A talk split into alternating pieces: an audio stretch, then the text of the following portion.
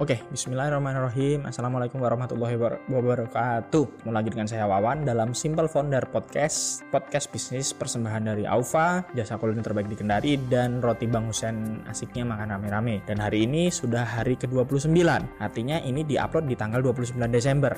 Dan temanya sesuai dengan hal-hal yang sering kita lakuin di tanggal 29 Desember, yaitu kilas balik. Buat saya, kilas balik itu adalah e, melihat apa yang sudah kita kerjakan dari awal tahun sampai dengan akhir tahun. Apa yang sudah kita kerjakan tuh artinya di situ ada keberhasilan, di situ ada kegagalan, di situ ada hal yang sesuai dengan rencana, ada juga yang tidak sesuai dengan rencana. Karena ini podcast bisnis, maka hal-hal yang berhubungan dengan pencapaian-pencapaian dari uh, entitas bisnis kita ya. Ya, itu biasanya dilakukan di akhir tahun. Ini penting banget buat saya secara pribadi karena dengan melihat ke belakang kita bisa melihat keberhasilan Melihat keberhasilan gunanya untuk apa? Supaya diduplikasi, supaya itu diulang lagi di tahun berikutnya. Konteks hal yang akan dilakukan itu bisa jadi sama atau mungkin juga bisa sama persis karena uh, ini cuma uh, pindah tahun saja bisa saja rencana yang sama melakukan hal yang sama dan menghasilkan hasil yang sama. Bisa saja bisa saja seperti itu.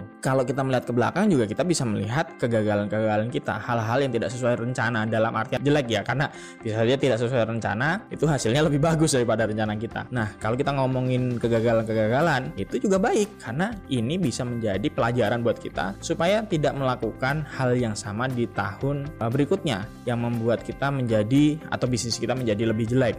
Jadi itu pentingnya kilas balik. Kilas balik itu berguna supaya kita mempunyai bayangan atau rencana di tahun berikutnya sehingga kita menjadi lebih baik dibandingin tahun sebelumnya. Jadi, sudahkah Anda melakukan kilas balik perjalanan bisnis Anda tahun 2020. Semoga sudah dan semoga tahun 2021 menjadi lebih baik dibandingin tahun 2020. Terima kasih sudah mendengarkan podcast kali ini. Wabillahi taufiq wal hidayah. Wassalamualaikum warahmatullahi wabarakatuh.